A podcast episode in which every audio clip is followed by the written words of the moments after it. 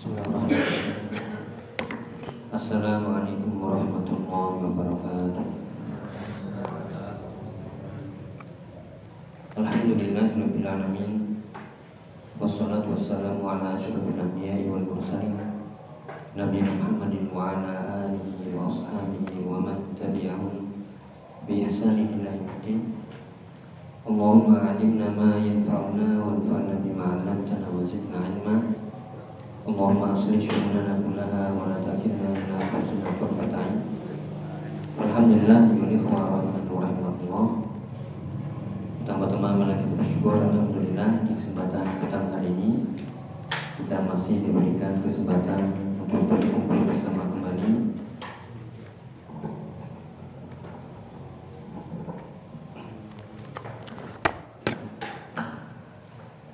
Ya, untuk berkumpul bersama kembali di majlis yang adalah majlis-majlis ilmu dalam rangka mengambil faedah bersama dari ayat-ayat Allah dan juga hadis-hadis Nabi Sallallahu Alaihi Wasallam melalui kitab Kitab Tauhid Alladhi huwa hakun al nabi dan juga kita ambil syarah. Penjelasannya dari Al-Mulakhas fi Syarhi Kitab Tauhid di Syekh Shalih Al-Fauzan Hafizullah Ta'ala Semoga ini adalah pertemuan yang bermanfaat, yang barokah dan kita berharap semoga Allah mencatat semua usaha kita menuju tempat yang mulia ini dicatat sebagai amalan ikhlas lillahi ta'ala dan dimudahkan dengannya jalan-jalan menuju surganya Allah Ta'ala. Amin.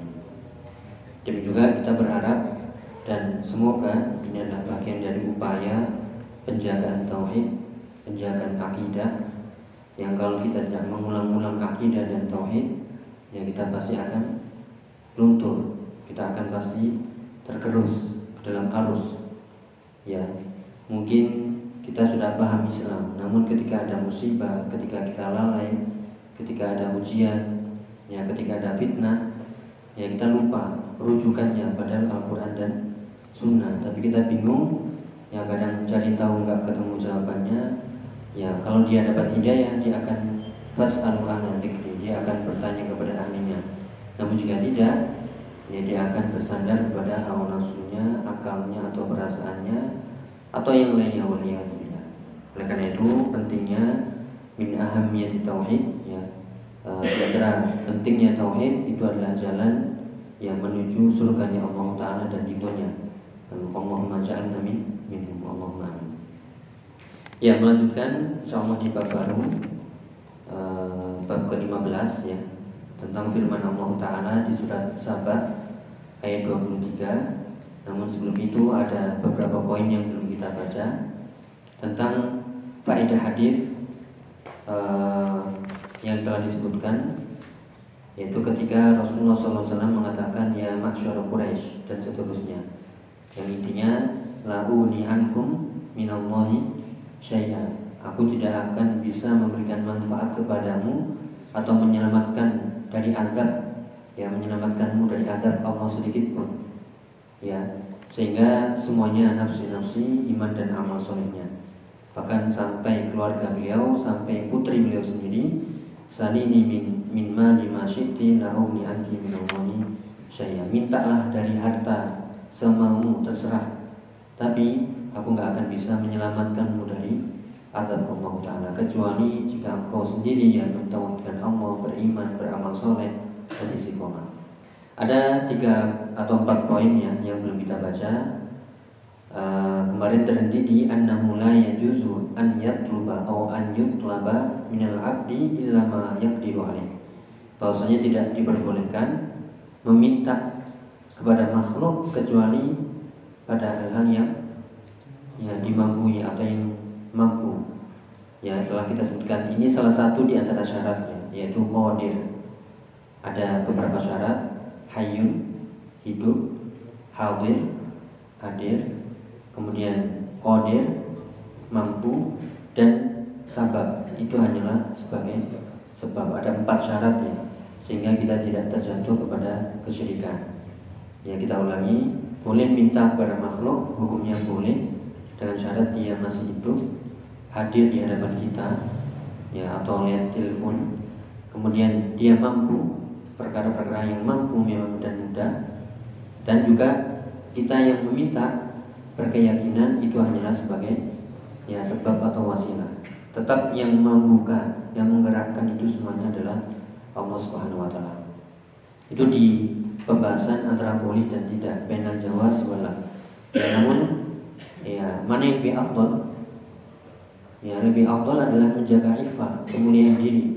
Seperti yang sudah kita sebutkan kemarin, uh, mereka para sahabat berbaiat kepada Nabi latas alunna syai'an.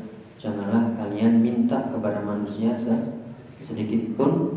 Ya sehingga ketika itu mereka para sahabat walaupun cemeti mereka jatuh mereka tidak nyuruh minta orang lain untuk mengambilkan. Namun mereka turun sendiri ambil sendiri dan seterusnya. Ya jadi juga hadis yang lain sudah kita sebutkan man yakfulu li an yas'alan nasa syai'an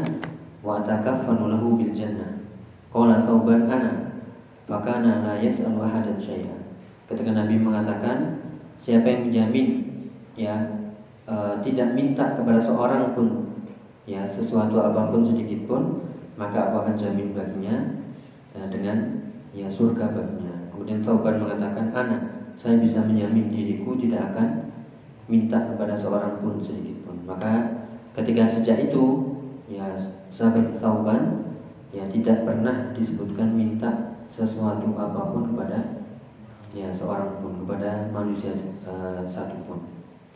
Ya kemudian yang keempat annahu la yunji min azabillahi illa iman wal amal soleh wala wala la la i'timadu ala mujarradil intisabil ashkhas. Bahwasanya la yunji ya anja yunji artinya yang dari kata naja, naja. Naja menyelamatkan. Kalau anja, hmm, af'ala, af'ala yufiru. Ya, saling menyelamatkan. Ya, bukan. Ya, af'ala yufiru. Ya, kalau ada khola masuk. Kalau ada khola, ya berarti anja, ya menyelamatkan. Ya, ini nggak boleh lupa ya. ini harus dimuraja. Naja itu selamat najautu aku selamat. Tapi kalau anjau anjaitu fulanan ya aku menyelamatkan fulan. Berarti anja yunji. Ya. Uh, berarti tidak ada yang bisa menyelamatkan min azabillah dari azab Allah illal iman. Ya, kecuali iman. Ya, sedikit nahmunya ya. Coba dicari mana fa'il dari yunji. Fa'ilnya jadi yunji anja yunji kan fi'il ya. Fa'ilnya mana? Apa? Ya iman. Itu uh, disisipi dengan ilah ya. itu mengandung pengkhususan. Berarti benar-benar tidak ada yang bisa menyelamatkan dari azab Allah kecuali iman. Mengkhususkan iman yang bisa satu-satunya menyelamatkan ya dari azab Allah hanyalah iman wal amal soleh dan juga amal soleh. Jadi di situ disisipi atau dijeda dengan asalnya la yunji al imanu min adabillah. Kalau bentuknya seperti itu itu nggak ada ya nggak ada penekanan biasa. La yunji min adabillah la yunji iman min adabillah tapi kalau la yunji min adabillah illa al iman berarti benar-benar pengkhususan ya seorang nggak akan bisa selamat dari azab Allah kecuali dengan iman. Jadi satu-satunya lah iman dan amal soleh itulah yang bisa yang menyelamatkan. Ini pentingnya ya memahami bahasa Arab. Bisa dibedakan? Bisa ya. Jadi kalau kita bilang uh, layak kulu to'aman illa Muhammadun dengan layak kulu Muhammadun illa to'aman. Layak kulu Muhammadun to'aman. Ya kita ulangi ya. Layak kulu Muhammadun to'aman artinya Muhammad tidak makan makanan. Tapi kalau layak kulu to'aman illa Muhammadun Ya tidak ada yang makan makanan sedikit pun kecuali Muhammad. Ya berarti pengkhususan seolah hanya Muhammad saja yang makan makanan. Demi juga ini hanya iman dan amal soleh yang bisa menyelamatkan. Sehingga selain iman dan amal soleh di ya dihilangkan itu makna ilah yang sering kita ulang-ulang namanya usul uh, taksis pengkhususan atau pembatasan dan ini pentingnya dalam memahami ya nas. Ya semoga bisa dipahami. Uh, illal iman wal amal solihu. Makanya diatofkan. Maka al amal soleh itu atof ke iman berarti sejajar antara iman dan amal soleh. Dalil-dalilnya banyak. Ada yang bisa menyebutkan iman dan amal soleh penyelamat dari adab Allah. Ya, silakan. Ya, ilal ladina amanu wa amilu solihati wa tawassaw bil haqqi wa tawassaw bis sabr. Yang paling mudah di surat Al-Asr. Manusia itu semuanya ya rugi fi khusrin la fi khusrin benar-benar rugi kecuali ya yang beriman dan beramal soleh demikian juga sabar dalam ketaatan dan kesabaran saling menasihati dalam kebenaran dan kesabaran. Itu juga bagian dari amal amal soleh. Ya kemudian la la la li'timadu la al-i'timadu ala mujarrad intisabil ashkhas bukan hanya sekedar i'timad ya i'tamada i'tamidu ya ber ya bersandar menyandarkan me, ya menyandarkan diri dengan apa? Intisab lil ashkhos dengan intisab ya menasabkan diri kepada seseorang. Jadi mujarrad itu artinya hanya ya. Uh, mujarrad intisab hanya sekedar menasabkan diri kepada ya golongan atau orang-orang. Ya nggak bisa uh, saya masuk surga. Kenapa? Bapak saya ya nggak ada jaminan. Ya bapak saya ustad nggak ada jaminan. Ya bahkan bapaknya nabi sekalipun.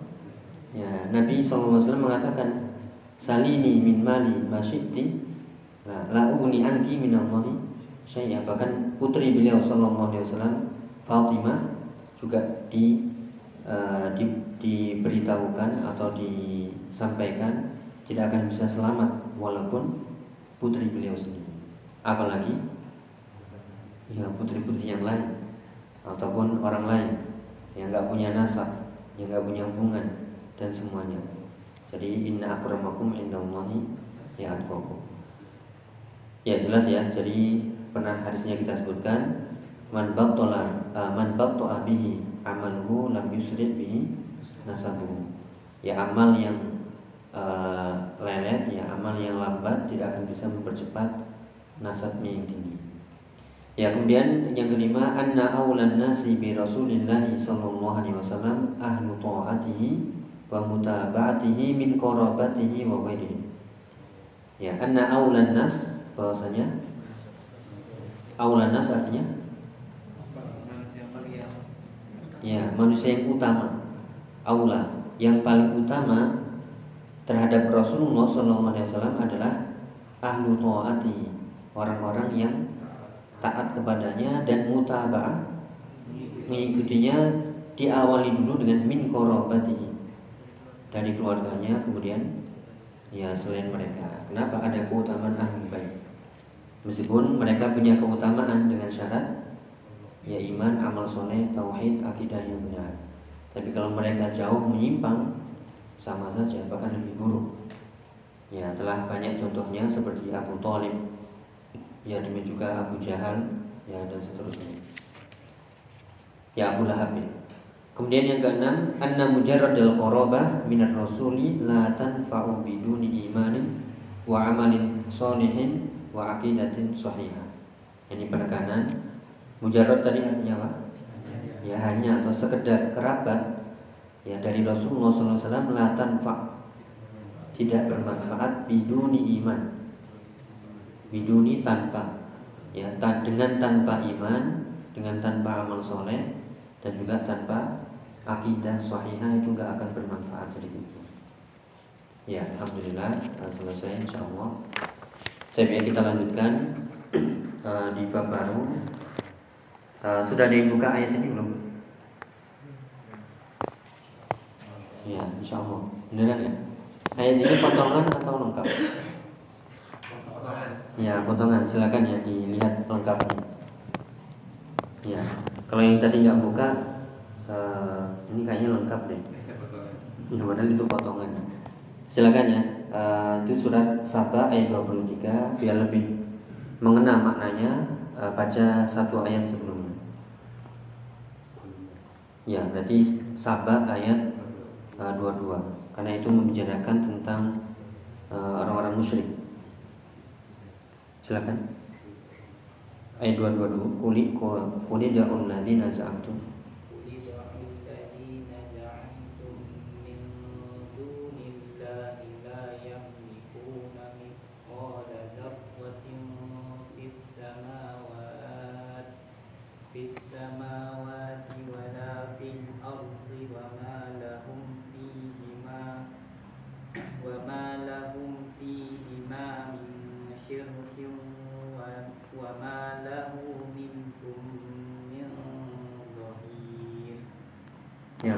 lanjut ayat berikutnya wala tanfa'u wala tanfa'u syafa'atu indahu illa liman adina lah hatta idza fuzzi'a an qulubihim qalu madza qala rabbukum qalu al-haqq wa huwa al-aliyyul kabir Ya, kita lihat ya ayat sebelumnya ayat 22. Uh, Kulidau atau kulidau alladzina za'amtum min dunillah. Katakanlah wahai Muhammad, ud'u serulah ya, mintalah alladzina za'amtum kepada mereka yang kalian anggap ya sesembahan min dunillah. Ya, ini sering kita ulang-ulang ayat sebelumnya juga. Apakah mereka memiliki sedikit pun dari langit dan bumi? Ya tidak. Bahkan digambarkan di situ la yamlikuna mithqala dzarrah. Ya, sesembahan selain Allah itu la yamlikuna tidak memiliki mithqala dzarrah fis samawati wala fil ard. Ya, tidak memiliki sesuatu apa pun walaupun sebesar zarrah. Zarrah ini ukuran terkecil dari benda. Ada yang mengartikan biji sawi, tapi masalahnya lebih kecil. Apa? Ya, debu-debu yang kita rincik-rincik berhamburan sekecil itu nggak punya. Ya, kalaupun misalnya mereka punya sekecil itu apa manfaatnya kira-kira? Ya juga nggak ada manfaatnya. Ini dinafikan ya, tidak memiliki layan fa syai'an atau layam di syai'an. Baik di langit maupun di bumi. Ya, kita lihat di sini ya. Uh, sesembahan selain Allah yang nggak memiliki sesuatu apa pun, ya, tapi tetap disembah. Artinya mengharapkan apa ini? Ya, kita itu mengharapkan ya kalau ke orang orang yang bisa bantu, bisa nolong, punya sesuatu. Ya kalau kita mengharapkan ke seseorang yang nggak punya apa-apa namanya, ya berarti secara akal sesat ini ya kami. Ya akalnya nggak main. Minta itu ke orang yang punya. Ya demi juga yang dimintai harus punya sesuatu. Ya, pepatah Arab mengatakan syai' la yu'ti. Orang yang nggak punya sesuatu nggak akan memberi. Ya, gimana memberi? E, nggak punya apa-apa. Ya. Nah, jadi secara akal nggak bisa diterima. Sesembahan selain Allah itu nggak memiliki sesuatu apa pun baik di langit maupun di di bumi. Apalagi secara dalil-dalil. Ya, secara akal terbantahkan ya. Apalagi secara dalil nas Al-Qur'an dan Sunnah. Ya, kemudian wa ma lahum fihi ma min syirkin. Ya, kemudian ini ya potensi-potensi atau harapan-harapan yang diharapkan oleh penyembah-penyembah selain Allah mereka e, menganggap sesembahan itu punya sesuatu. Padahal dinafikan.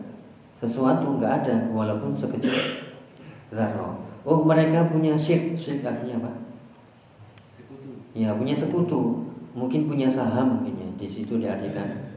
Punya saham dalam penciptaan langit dan bumi. Nggak mungkin ya nggak mungkin. Karena Allah la syari ya la syarika lahu fi mulkihi wala fi dzatihi wala fi kulli syai. Ya Allah nggak punya sekutu sedikit pun. Nggak ada yang titip saham, nggak ada. Nauzubillah, ini bahasanya kurang. Ya itu uh, tidak ada yang um, bersekutu dengan Allah dalam urusan penciptaan langit dan bumi. Bahkan di ayat disebutkan ya, kalau seandainya ada dua Tuhan, pasti akan ya akan berantakan. Kenapa? Satunya begini ini, satunya begini itu satunya begini satunya begitu nggak akan bisa dan itu mustahil Tidak mungkin Allah disifati dengan kekurangan ya, ke ketidakmampuan tidak. Allah alamin yang maha sempurna yang kita bahas di ya, asma wa sifat atau asmaul husna. Jadi uh, sekutu ya wa ma lahum fihi min syai. Tidak ada saham sekutu di langit dan bumi, tidak ada. Wa ma lahum min zahir dan tidak pula mereka punya zahir. Ya zahir itu pendukung, penyokong, ya pembantu yang bisa menolong. Ada? Ya, jadi coba ya eh, harapan-harapan atau keinginan orang yang menyembah selain Allah itu karena mereka anggap sesembahan selain Allah punya sesuatu, punya? Nggak punya. Ya digambarkan sekecil itu aja nggak punya. Ya ada nggak yang lebih kecil lagi? Ya tentu dia punya. Kemudian mereka menganggap sesembahan ini punya syarik, punya syarikah, punya urut andil dalam penciptaan langit dan bumi. Mungkin nggak mungkin. Atau mereka punya penolong di sana selain Allah, penolong di yang akhir nggak punya juga, berarti selesai. Terus mau minta apa lagi? Mengharapkan apa lagi? Oh, mengharapkan syafaat katanya. Mungkin mereka jadi. Nah, kemudian ayatnya langsung apa di dibantah lagi. Makanya Syekh Abdul Rahman Sa'di mengatakan tadi ya uh, kepemilikan dibantah, nggak punya. Syarikah dibantah juga. Ada yang penolong, nggak ada juga. Tinggal tersisa satu. Apa? Mereka masih mengharapkan, oh mereka masih bisa jadi syafaat kami ketika nanti uh, yang kiamah yang di dunia kita minta tolong, kita doa, kita seru. Semoga mereka menjadi syafaat langsung dibantah di ayat ini. Wala tanfa'us syafa'atu indahu illa liman adina lahu. Ya, ini salah satu syarat selain ridho. Kalau ingin yang lengkap ya, nah, silakan dibuka kalau ada yang buka aplikasi ya. Surat Toha ayat uh, 109 bisa dicatat ya surat Toha ayat 109 surat Toha setelah uh, Maryam ya ada yang ketemu ya surat Toha ayat 109 ya silakan ada yang baca itu lengkap ya syarat syafaat yaitu izin izin atau izin dan ridho Allah Subhanahu wa taala sangat lengkap Silakan dibaca. Yauma idzin. Silakan ya. Syafa'atu banyak.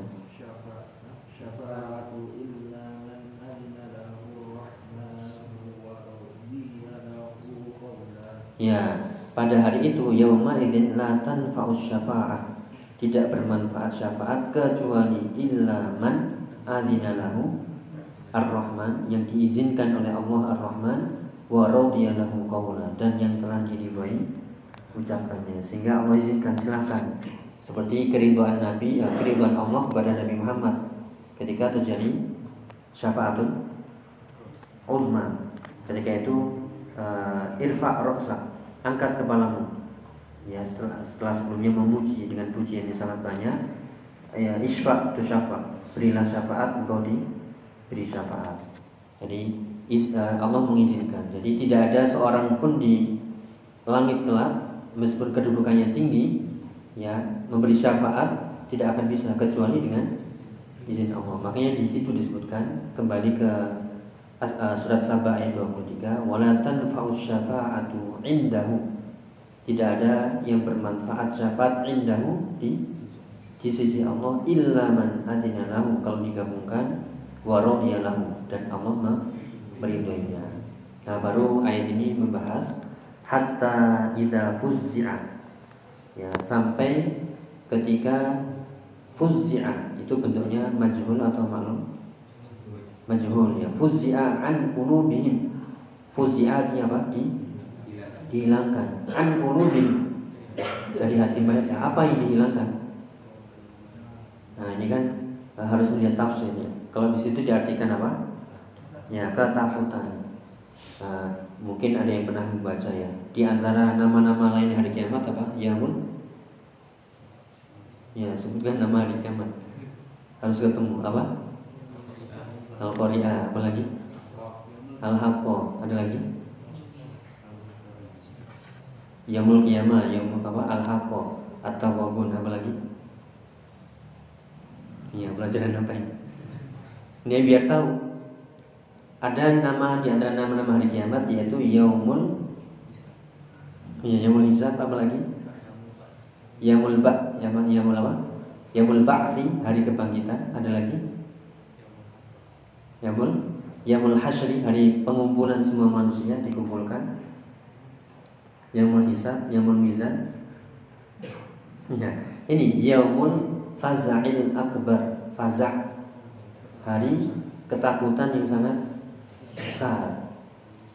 Ya, yaitu atau nama lain Ghosya. Ya, Ghosya, Ghosya itu menyelimuti.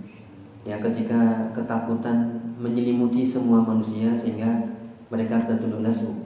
Ya, mereka nggak berani nggak berani mengangkat uh, muka-muka uh, mereka. Kenapa? Sudah sadar kalau mereka itu bakalan ya naudzubillah. Adapun orang yang beriman, mereka berseri wajahnya.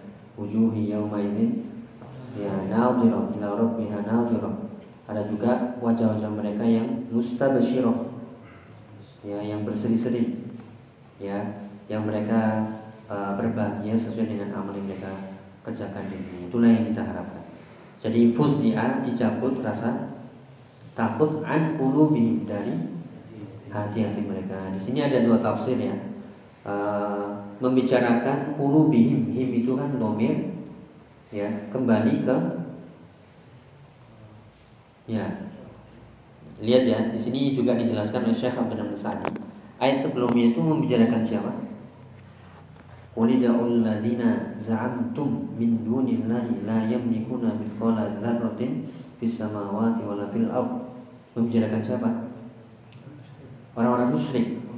Ya, makanya ada yang menafsirkan ketika rasa takut sudah dicabut dari hati-hati orang musyrik, qalu ketika mereka sudah tersadar, sudah muncul akalnya kembali, ya mereka baru mengatakan madza qala rabbukum.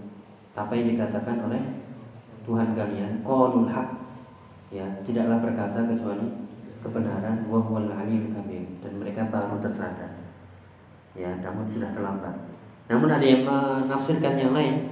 Ini adalah hati-hati para ada dua ya hati orang-orang musyrik sama hati-hati orang ini bukan orang ya hati-hati malaikat. Itu yang di bawahnya. Bayanu halil malaikati Kenapa ini disebutkan malaikat? Karena membicarakan tentang apa tadi? Nah, tadi ayatnya di depan apa? Uh, la tanfa'u wa la tanfa'u asy-syafa'atu indahu. Kira-kira di sisi Allah yang bisa memberi syafaat makhluk yang paling besar yang Allah ciptakan yang bisa memberi syafaat siapa? Ya malaikat. Ya di situ uh, dikembalikan ke makna malaikat dan ini nanti dibuktikan dengan apa? Ya dari dari setelah ini. Jadi kita sebutkan ya. Uh, nanti kalau misalnya ada yang membaca tafsir loh ini kok uh, membicarakan orang musyrik ya itu salah satu ya tafsiran yang bisa didudukan. Ya kalau kita lihat uh, tafsiran dari Syekh Abdul dan juga yang lainnya itu sekali lagi hatta idza fuzzi'ah ya sampai ketika dicabut rasa takut mereka mereka ini adalah orang-orang musyrik. Kita bacakan yang sedikit ya. Yahtamilu anna dhamir fi hadzal mawdi' ya'udu ila al-musyrikin itu ucapan penjelasan Syekh Abdul Nasadi yahtamilu kemungkinan dhamir fi hadzal mawdi' di tempat ini ya'udu ila al-musyrikin ya kan dhamir ya'udu ila ya ini kan di pembahasan nahwu kan ya kembali kepada orang-orang musyrik. Li'annahum madhkuruna fil lafzi karena mereka itu disebut di lafaz.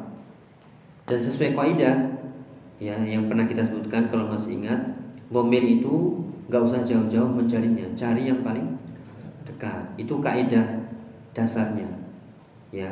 Jadi al qaidatu fil dhamair anna an ta'uda ila ila aqrabi madhkur. Ya kembalinya bomir itu kepada yang paling dekat. Cari aja yang domir hum ini.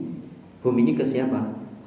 Ya kalau yang paling dekat adalah kepada orang-orang musyrik ya sehingga diartikan di sini idza kana yaumul wa fuz'a an qulubil musyrikin ay zalal faza'u wa su'ilu hina raja'at ilaihim uquluhum an halihim fid dunya wa takdzibihim lil haqqi alladhi ja'at bihi rusul annahum yuqirrun. Ya baru ketika rasa takut itu sudah dihilangkan dan kembali akal-akal mereka ya keadaan mereka sudah paham jelas dan atas kedustaan yang mereka lakukan baru mereka ditanya tentang rasul-rasul yang sudah menyampaikan mereka baru yukiruna mengakui ya mengukiri mengakui kedustaan mereka dan kekufuran mereka. Ya. Adapun makna yang lebih tepatnya ya uh, wa hadzal makna azhar wa huwa alladhi yadullu ala siyaq wa yahtamilu anna dhamir ya'udu ila malaika. Ya, kalau menurut Syekh Abdul Nasadi itu makna yang lebih nampak kembali kepada orang-orang musyrik. Namun bisa dikembalikan ke makna hum yaitu para malah malaikat. Ya itu dikatakan wa yahtamilu anna dhamir ya'udu ila al malaikah wa dzalika anna Allah ta'ala idza takallama bil wahyi sami'atul malaikah ya yang demikian itu karena ketika Allah berkata berucap berfirman yang mendengar adalah para malaikat sehingga mereka langsung fasa'iku wa lillahi sujada mereka langsung tunduk tersungkur sujud kepada Allah Subhanahu wa taala. Fayakunu awwalu man yarfa ra'sahu Jibril alaihissalam. Dan yang pertama kali mengangkat kepalanya adalah malaikat Jibril alaihissalam fayukallimuhum min wahyihi bima arada. Ya, wa idza zala uh, as-sa'qu an qulubil malaika wa zal faza'u fayas'ala ba'dhum ba'dha. Jadi ketika Allah berfirman semua malaikat tunduk lesu takut. Ya saking besarnya Allah Subhanahu wa taala yang mengagungkan Allah Subhanahu wa taala sehingga tidak ada yang mengangkat kecuali malaikat Jibril yang pertama kali. Kemudian baru setelah sadar dihilangkan malaikat satu dengan malaikat yang lainnya saling bertanya apa yang dikatakan Allah? Ya maka qala rabbukum? Ya qalul haq. Ya tidaklah berkata kecuali ya kebenaran. Nah nanti ya lagi nanti akan ditegaskan dengan dalil-dalil berikutnya. Ya, mulai dari hadis Abu Hurairah ya, dan juga hadis yang lain uh, yang menguatkan bahwasanya yang dimaksud ayat ini adalah malah malaikat. Nah, sekarang apa kaitannya dengan kita tauhid? Apa kaitannya dengan pembahasan tauhid? Ada yang bisa jawab? Iya, kalau malaikat saja yang paling kuat, yang paling besar yang dikatakan malaikat Jibril pernah menampakkan diri kepada Rasulullah, sayapnya aja se ya sebesar ufuk. Ufuk itu ujung sana sampai ujung sana. Dan masjid ya. Ujung bumi sana sampai ujung bumi sana. Baru sayapnya. Nah, terus bagaimana fisiknya? Ya itu malaikat. Bagaimana dengan Allah? Ya Allah Akbar tidak ada yang lebih besar daripada Allah. Semuanya kecil. Makanya ketika Allah berkata berfirman, semua malaikat ya tunduk. Ya cuman manusia coba ketika Allah berfirman apa sombongnya bukan main. Ya, menentang, mendustakan, mentakwil takwil. Ya seharusnya sami nawa. Bapak sudah mendengar patuh taat? Dengarkan dulu tunduk dulu. Ya tidak cari-cari oh ini artinya nggak cocok ini ini nggak ini tidak seperti itu. Ya, lihat para malaikat yang sangat kuat, yang sangat besar dan mereka juga ibadur rahman, hamba-hamba Allah, mereka tunduk gak punya kemampuan apa pun. Ya, lalu bagaimana dengan selain malaikat? Ya, maka dikatakan di sini ya. Silakan dibaca. An-nafihi bayana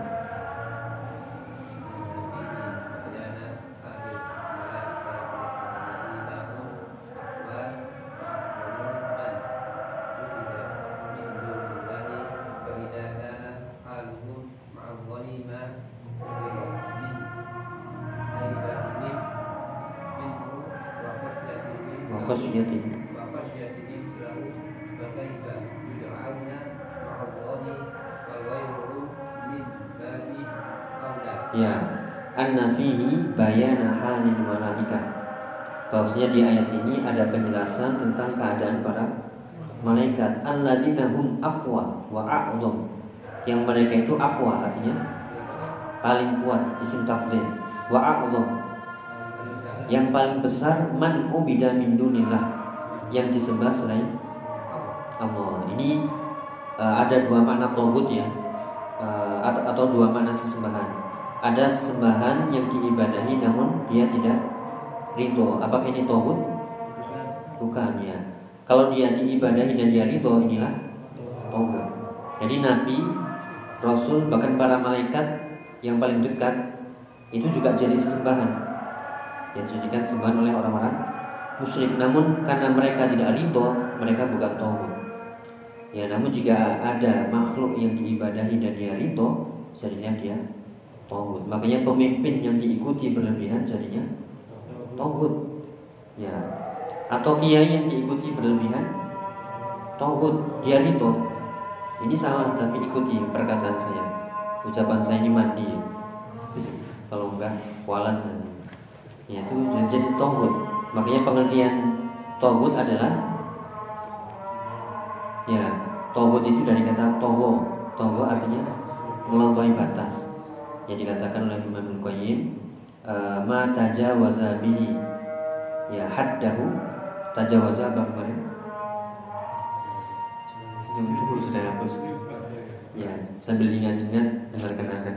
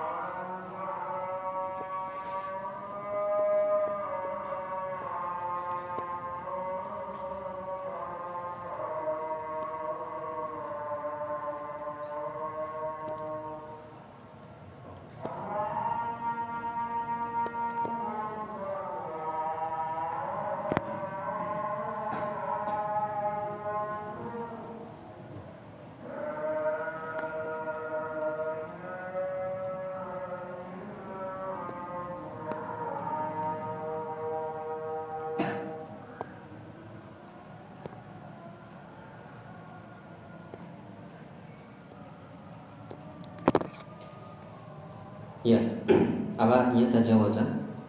Ya, melampaui batas. Baru kemarin. ya, ini sebenarnya togut ini kalau yang belajar salah satu musuh ya sudah pernah hatam ya? Selesai. Ya, di, di situ ada pembahasan togut. Ya, kalau e, ngikuti pelajaran salah satu usul atau tiga landasan utama itu pas bahas togut nyantol langsung. Oh ya togut itu Ya tauhid maknanya banyak ya. Uh, intinya man ubida bi ghairillah fa huwa. Segala sesuatu yang disembah selain Allah dan dia ridho itu satu. Kemudian uh, pemuka tauhid adalah pemimpinnya iblis. Kemudian bercabang ya uh, pemimpin bisa jadi tauhid. Kiai ustaz bisa jadi tauhid atau siapa pun. Makanya Ibnu Qayyim mengatakan ma tajawaza bihi al-abdu haddahu.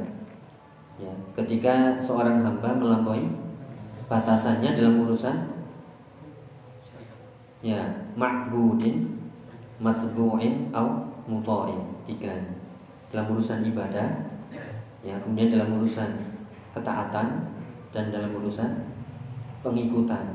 Kalau mengikuti berlebihan e, melampaui batas itu jadi togut tapi dengan syarat yang diikuti ridho ya ikut ikut sini. Ya jadi kalau ridho dia jadi togut. Ya kemudian juga dalam urusan ketaatan. Ya e, ketaatan melampaui batas seperti pemimpin ya maka jadi togut. Ya namun di sini ya e, para malaikat bukan togut. Kenapa? Mereka mengingkari. Ya kita e, sebutkan ya di antara sesembahan itu yang paling kuat adalah para malaikat namun keadaan mereka ketika dibacakan ayat Allah berfirman langsung tunduk tersungkur sujud gak berani mengangkat. Baru setelah selesai ya jadi disebutkan di sini apa? Haibatihim. Begitu takutnya mereka kepada Allah. Wa khasyatihim khasyah sama takut tunduk ya merendahkan diri. Fakaifa yad'una ma'allah. Nah, terus bagaimana mereka disembah bersama Allah. Sedangkan ya menyandingkan sesuatu yang tidak sama sama sekali. Allah akbar. Malaikat makhluk rendah. Meskipun mereka dibanding manusia juga sangat besar tapi dibandingkan dengan Allah ya la la lahu tidak ada ya kesamaan sedikit pun. Ya kalau mereka disembah bersama Allah faghairuhum min babi aula terus bagaimana dengan yang selain malaikat ya lebih rendah lagi lebih apa? Nggak punya apa-apa lagi nggak punya sedikit pun. Nah, yang tadi kita sebutkan di ayat sebelumnya ya. Mereka di sekolah darroh aja nggak nggak punya. Uh, syarikah ya kepemilikan nggak punya. Lohiro lohir penolong pembantu juga tidak punya. Ya apalagi yang dijadikan sesembahan itu orang-orang rendahan. Ya uh, nanti akan disebutkan ya. Ini sebagai penutup Eh, di antara syubhat atau dalil yang disampaikan jadikan alasan orang musyrik tidak mau mengikuti Nabi kenapa? Karena Nabi itu bashar. Ya, mereka ingin itu Nabi dari dari malaikat. Ya, ini ngapain saya ngikuti sama-sama manusia sama-sama makan? Mendingan Nabi itu mbok yang dari apa? Malaikat itu alasan saja. Tapi bertolak belakang, ya mereka nggak mau mengikuti Nabi yang manusia, tapi justru mereka menyembah kepada ya yang bukan manusia. Apa dia yang disembah? Batu, pohon, kuburan. Nah, terus gimana ini? Ya. Nah, di sisi lain menolak manusia, di sisi lain mengagungkan selain manusia. Terus gimana? Ya kan kacau makanya itulah uh, ahlu uh, ahlu syirik yang hujah satu dengan hujah yang lainnya sebenarnya saling ya bertolak belakang bertentangan ya adapun ahlu tauhid satu ayat saja kalau dia dipahami dengan benar ini akan membantah semua ya hujah-hujah orang-orang yang menyembah selain Allah Taala. Ya Allah mungkin itu yang bisa kita bahas. Uh, masih panjang ya. Ada yang ditanyakan? Cukup ya. Jadi tadi uh, tujuannya ayat ini paham? Di dari sisi kesyirikan ya. Kalau malaikat yang sedekat itu dengan Allah yang besar sebesar itu takut ya tidak ada apa-apanya bahkan tidak ada sekecil apa pun yang dari dibandingkan dengan Allah ya tentu tidak ada ya karena laisa laisa uh, laisa lahu apa Eh, laisa kamitslihi syai'un wa huwa samiun basir ya. Apalagi dengan yang di bawah malaikat. Apalagi yang bukan makhluk. Batu, pohon, apalagi uang. ya, semuanya sangat rendah. Ya sangat rendah, berarti rendahan, menyembah sesuatu yang rendah. Ya, tapi itu dibudayakan, dibela-bela, didukung dan seterusnya. Dan Allah Ta'ala an yuwafiquna lil nafi wa an yunjina min adabihi wa an yaj'alana min ahli tauhid wa min amin. Subhanakallahumma bihamdika asyhadu wa ilaik assalamualaikum warahmatullahi wabarakatuh